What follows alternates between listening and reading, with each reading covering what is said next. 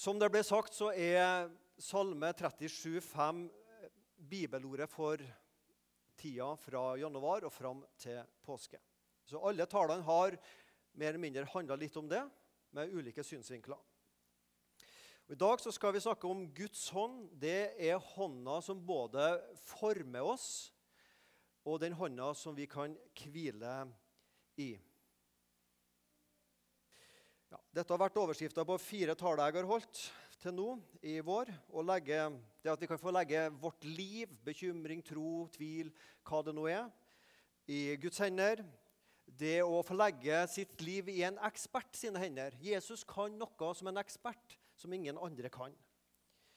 Jeg har snakka om at Guds hånd hviler over misjonssalen. Det er den hånda som beskytter og som backer oss, for å bruke et sånt uttrykk. Og Jeg har snakka om misjonssalen i Guds pottemakerhender. Og Vi skal være litt i den gata også i dag. For vi skal stoppe også i dag for Jeremia 18, vers 2-4. Guds hånd som former noe nytt. Stå opp og gå ned til pottemakerens hus. Der vil jeg la deg høre mine ord sier Gud til profeten Jeremia. Jeg, Jeremia, gikk da ned til pottemakerens hus, og se, han gjorde sitt arbeid på dreieskiven. Og det karet som han gjorde av leire, det ble av og til mislykket i pottemakerens hånd. Da gjorde han det om igjen til et annet kar slik han ville ha det. Og det er denne setningen. Da gjorde han det om igjen, som du kan ha litt klingende bak i hodet ditt i dag. Det jeg skal snakke om i dag, har jeg eh, fått inspirasjon. Det er jo sånn med oss predikanter vi heldigvis at vi får inspirasjon av andre. Ellers blir det fort tørt i lengden, kan du si.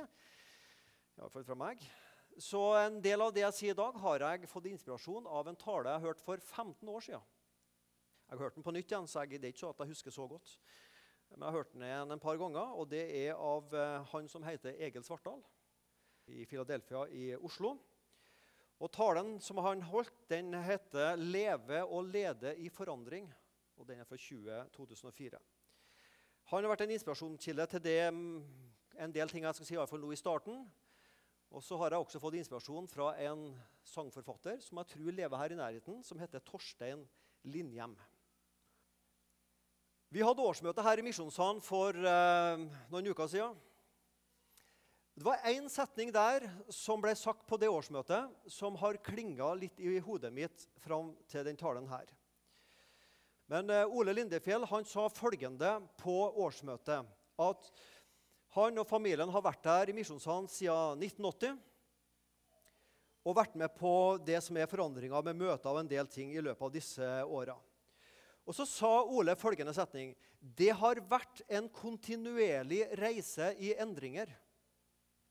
Det å ha vært med i Misjonssalen. Det har vært en kontinuerlig reise i endringer. Og akkurat den setningen har levd i meg. For i dag så skal jeg snakke om endringer. Og jeg kjenner at det er litt utfordrende, det jeg skal si, for um, det vil utfordre tanken vår. Jeg tror du skal få med deg mye å tenke på i løpet av denne talen. her. Jeg kommer ikke til å være veldig spesifikk og konkret og foreslå ting. Men jeg på en måte sår inn en idé, noen ideer som du kan bære med deg. I går var jeg i bursdag. Men det var ingen hvilken som helst bursdag. Det var slekta på kona mi side. 104 år. Petra heter hun. Er du 104 år, så må du hete Petra. Og Jeg ble tenkende på hva er det hun har opplevd av endringer. Hun er altså født i 2015. Hun var født under første verdenskrig. Sa jeg 20?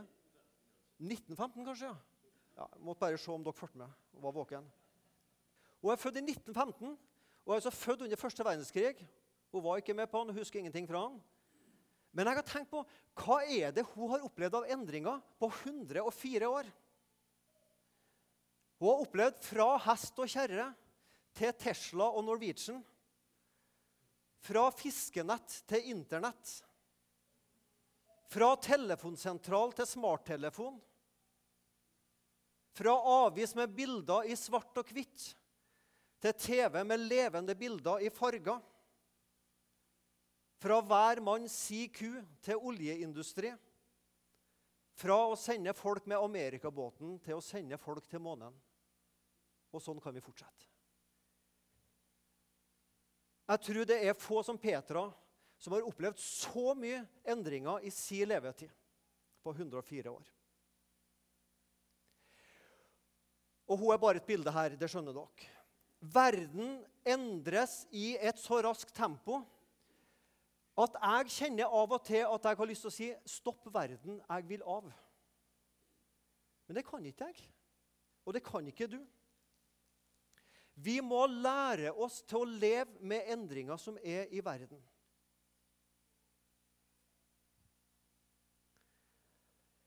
Som en menighet, som kristne, så lever vi i en spenning mellom å forvalte et evig og uforanderlig budskap et uforgjengelig evangelium skrevet i en kanonisert bibel vi verken kan eller skal forandre. Og at vi lever i en virkelighet i en verden som endrer seg konstant, og som beveger seg lenger og lenger bort fra Bibels kristendom. I det spenninga står vi. Vi kan være frista til å endre på Bibelen og tilpasse den tida. Det er ikke helt greit. Det vil si, det er ikke greit i hele tatt. Eller vi kan si at nei, verden får seile sin sjø. Bare vi har det fred og ro her vi er, i vårt lille rede. I den spenninga må vi leve. At vi har en kristen tro vi ikke skal forandre på. Et trosinnhold. Og en verden som endrer seg hele tida. Om vi vil det eller ikke, så gjør den det. Og Det fører til følgende spørsmål hvordan i alle dager skal vi klare å kommunisere Bibelens budskap relevant og aktuell for mennesker i vår tid? Og som jeg sa innledningsvis, I dag så gir ikke jeg svarene. For jeg kjenner det er krevende å gi svarene. Vi trenger kanskje bedre tid på det. Men jeg løfter noen problemstillinger som jeg vil du skal bære med deg. For jeg tror de er viktige å ha med seg. Hvordan skal vi forkynne den kristne tro, så at mennesker opplever at det passer for meg i 2019, og ikke bare for bestemoren min som levde i 1950. Da alt var så mye bedre. Menigheter og kristne organisasjoner har gjerne en innebygd skepsis og motstand til endringer. Vi vil ikke, vi, liksom, vi orsker ikke endringer. Og jeg kjenner det som Jo eldre jeg også blir, at hvis det er noen sånne nye tekniske ting som ungene skal på og vise meg, 'Pappa, du må lære deg det.' La meg slippe, la meg slippe. Det er en sånn innebygd sånn La meg slippe en del ting. Men så er det jo veldig kjekt når jeg først lærer det. Etter noen timer. Vi har gjerne i kristen sammenheng en sånn iboende lyst til å konservere mest mulig. Og det eneste tillatte konserveringsmiddel i kristen sammenheng, vet du hva det heter? Tradisjon. Og tradisjon er en fin ting. Nå trodde du kanskje jeg skulle si noe negativt om tradisjon. Nei. Men det jeg sier litt om, det er at vi gjør tradisjon feil når vi gjør tradisjon til repetisjon. Vi tror at tradisjon er å gjøre det samme om igjen og om igjen og om igjen. Sjøl om det ikke har fungert de 30 siste åra. For vi vet hva vi har, men vi vet ikke hva vi får. Og så er det så krevende å prøve å gjøre noe annerledes som kanskje fungerer. For jeg vet at det krever noe av meg. Tradisjon blir fort repetisjon. Vi drømmer om at Gud skal sende nye repriser av fortidens åndelige storhetstider. Men tradisjon, som er flott, en flott ting, er, er, ikke først og fremst repetisjon, men det er linje, og det er sammenheng. Du og jeg vi må vite noe om hva slags kristen sammenheng vi står i. De lange linjene fra dem som gikk før oss. Og hjelpe å se neste generasjons at de ser verdien av de lange linjene som vi er med å føre videre. Uten historiske og åndelige linjer så blir vi tradisjonsløse. Og da ender man fort opp som ei døgnfluemenighet. Misjonssalen og Norsk Luthersk Misjonssamband har også noen tradisjoner og linjer som vi syns det er viktig å føre videre. Det at de unådde har alltid førsterett på evangelium. Fokuset på ytremisjon. Bibeltroskap, vektlegging av småfellesskap, misjonsforeninger. En forkynnelse til omvendelse, trosopplæring av neste generasjon. Det er lange linjer som er en tradisjon som er med og bærer oss inn i framtida. Men hvordan vi gjør disse ulike tinga, må vi alltid spørre oss er det ting vi må endre på her. Vi må altså ikke lage oss en tradisjon for å ta vare på tradisjon, men for å ta vare på de verdiene den gode tradisjon er bærer av. Klarer vi det, samtidig som vi er villige til å endre måten vi arbeider på, så tror jeg Misjonssalen og Norsk Luthersk Misjonssamband vil lykkes inn i framtida. Og det karet han gjorde, ble mislykket. Da tok han leirklumpen, kasta den vekk. Nei, han gjorde det om igjen. Om igjen og om igjen. Og Jeg tenker jo på en pottemaker, på en som lager noen flotte gjenstander. Og Det gjør jo en pottemaker. Men jeg tror også vi skal strekke bildet såpass og tenke at Gud er en pottemaker som er fornøyd ved at han hele tida gjør ting om igjen og om igjen og om igjen for å forme det bedre, mer robust. Gud jobber om igjen og om igjen og om igjen med deg og med meg og med oss som menighet. Gud blir aldri ferdig med sitt formingsarbeid.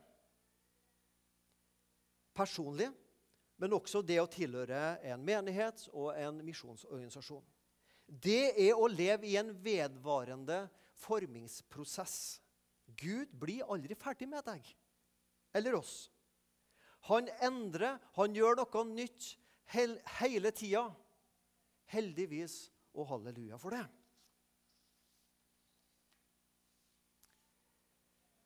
Gud gjør noe nytt. Han former om igjen og gjør noe nytt. Og Dette ordet 'nytt' det er av og til et litt vanskelig ord for oss. For det handler om nye mennesker. Det handler om nye ideer og arbeidsmåter for effektivt menighetsarbeid. Det handler om at det er nye ledere og hvem som bestemmer. Det handler om ny organisering, nytt bygg, nye og dermed flere arbeidsoppgaver, nye bekymringer. Det gode med bekymringene er jo at de er nye da, når det er nye bekymringer. Men heldigvis så er Gud en ekspert på det som er nytt. Når Gud er på ferde, så er det ikke ordet 'gammelt' som brukes som Gud i Bibelen, men ordet 'nytt'. Og det er ikke jeg som har funnet på det. Du finner det i Bibelen. Bibelen snakker om ny fødsel, en ny sang, en ny pakt, en ny kraft, en ny ånd Bøkenes bok skriver om et nytt hjerte, en ny vind, et nytt liv, et, det nye mennesket, en ny himmel og den nye jord. Ordet 'gammel' finner du nesten aldri på Gud i Bibelen. Gud gjør noe nytt. Og han gjør det om igjen, og han gjør det hele tida. Og det som jeg hører at du har lyst til å si halleluja for det. Amen, ja. Takk. Godt å ha inspirasjon fra Etiopia her. Og nå skal vi til Etiopia. Nå skal du få være med på en to minutters eh, videosekvens fra Mekane Jesuskirka i Etiopia, som Terje innleda med. Det er ei kirke som har klart på en god måte å leve i denne spenninga med å være teologisk konservativ og samtidig søke nye måter å presentere evangeliet og drive kristent arbeid på I dag så har de altså passert 9 millioner medlemmer. Det er verdens hurtigstvoksende luthersk menighet. Og det er ikke fordi de har funnet på så mye kule sprell Og det er i alle fall ikke fordi de har blitt teologisk liberal. Og langt ifra. Jeg vil nødig rakke ned på andre kirkesamfunn. Men jeg er frista likevel til å sette Mekane Jesuskirka opp mot svenske kirkene, som må være den mest liberale lutherske kirka i verden. Og man skulle jo Da tro, da kommer jo menneskene strømmende til, som har tilpassa seg tida og teologi. De mister nesten 100 000 medlemmer hvert år. Mekanesuskirka har valgt teologisk konservatisme samtidig som man tenker nytt om hvordan man når mennesker og opplever en kirkevekst. Følg med på det som skjer på her nå.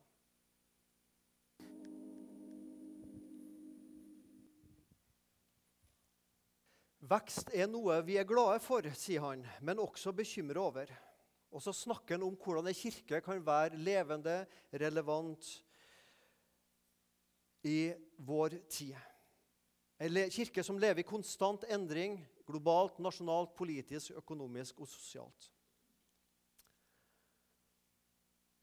Det er sikkert ting å, som kunne vært bedre også i og kirka. Men de har klart å leve i denne spenninga mellom å stå fast på Bibelens budskap og være til stede i den tida man er i, og leve med endringene. Når vi vokser, så trenger vi nye klær. Og som barn så måtte min mor og min far ta et valg da jeg vokste opp. Og klærne ble for små. Og Da diskuterte min mor og min far følgende problemstilling. Klærne til Svein Anton har blitt for små. Så enten må vi kjøpe nye klær til Svein Anton, eller så må vi kaste Svein Anton.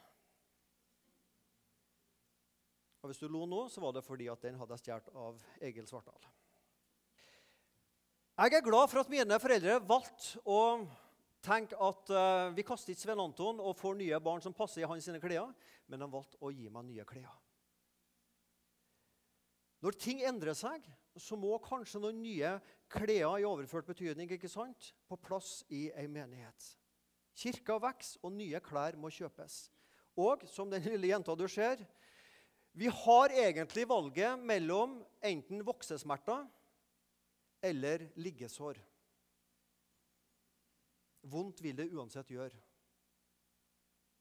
Det er ikke noe som heter 'på stedet hvil', for det er nedgang. Det er liggesår. Vi, valg, vi velger egentlig bare hva slags smerte vi vil ha. Voksesmerte eller liggesår. Endringer det er ikke noe skummelt så lenge vi ikke endrer Guds ord.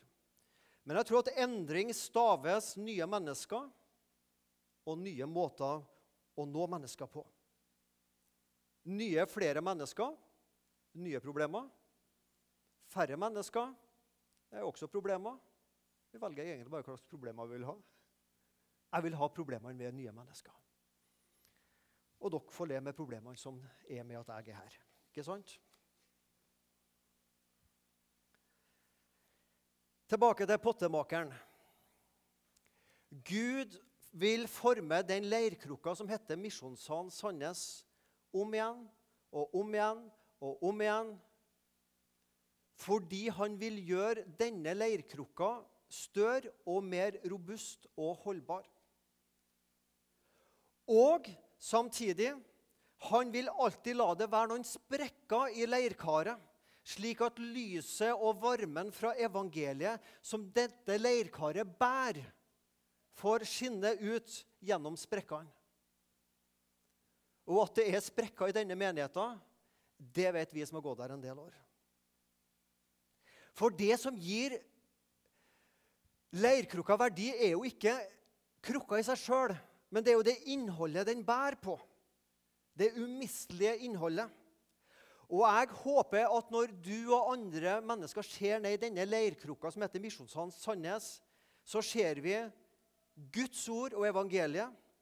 Vi ser dåp og nattvær. Vi ser takk og tilbedelse.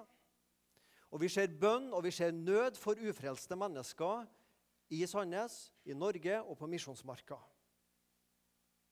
Det innholdet skal vi aldri endre på. Det innholdet må få komme ut gjennom sprekkene i våre liv og i forsamlingene sitt liv. Er du ny i forsamlinga her, så kommer du ikke til ei perfekt forsamling. Langt ifra. Mange sprekker her. Men vi håper at evangeliet skinner ut gjennom mennesker med mange sprekker. Guds hånd som former oss, som aldri blir ferdig med å forme ei menighet som heter Misjonssalen Sandnes. Og så starta jeg å si også at jeg fikk inspirasjon til denne talen, og det skal være avslutninga, av en som heter Torstein Lindhjem. Jeg tror hun bor her i området, og som synger en del, og som har skrevet en sang som vi snart skal synge sammen. Guds hånd som du kan hvile i. Denne hånda som kontinuerlig arbeider med å forme oss, den hånda som av og til må ta tak i oss og tukte oss og rettlede oss, den som holder over oss og rundt oss for å beskytte oss, og den hånda som er under og bærer oss. For av nåde er dere frelst ved tro. Det er ikke deres eget verk, det er Guds gave. Det, det hviler ikke på gjerninger. Nei, det hviler på Guds nåde. Kom til meg, alle dere som strever og har tungt å bære, så vil jeg gi dere hvile. Så skal dere finne hvile for deres sjeler. Det Av og til jeg har hatt den opplevelsen, og det hadde jeg da jeg hørte denne sangen. Den, liksom, den bare smelta sammen med meg. En flott melodi skrevet av en eh, forkynnerkollega som heter um, Per Tveten. Nydelig melodi. En sterk tekst. Og jeg hørte bare med en gang jeg hørte den sangen, den smelta sammen med troa mi. Jeg hviler i nåden hos himmelens Gud, som sendte sin sønn med det salige bud at synden er sonet, at alt er fullbrakt. Med det har han tegnet den evige pakt. Jeg hviler i nåden, og slik har jeg fred. I ham som har sonet min synd i mitt sted. Han opprettet alt som i fallet gikk tapt. Han forløste igjen det som han hadde skapt. Nå vet Jeg jeg har gitt deg mye å tenke på, og det var meninga med den talen i dag. Du skulle få mye å tenke på dette med at Gud former noe nytt. Hvordan vil Gud forme deg? Hvordan vil Gud forme misjonssalen? Men jeg ville også gi deg noe for altså, Tanke er jo også troslivet, men også jeg vil gi noe for hjertet ditt, troslivet hjertet ditt, noe du skal få hvile i. Og hvile i at alt er fullbrakt.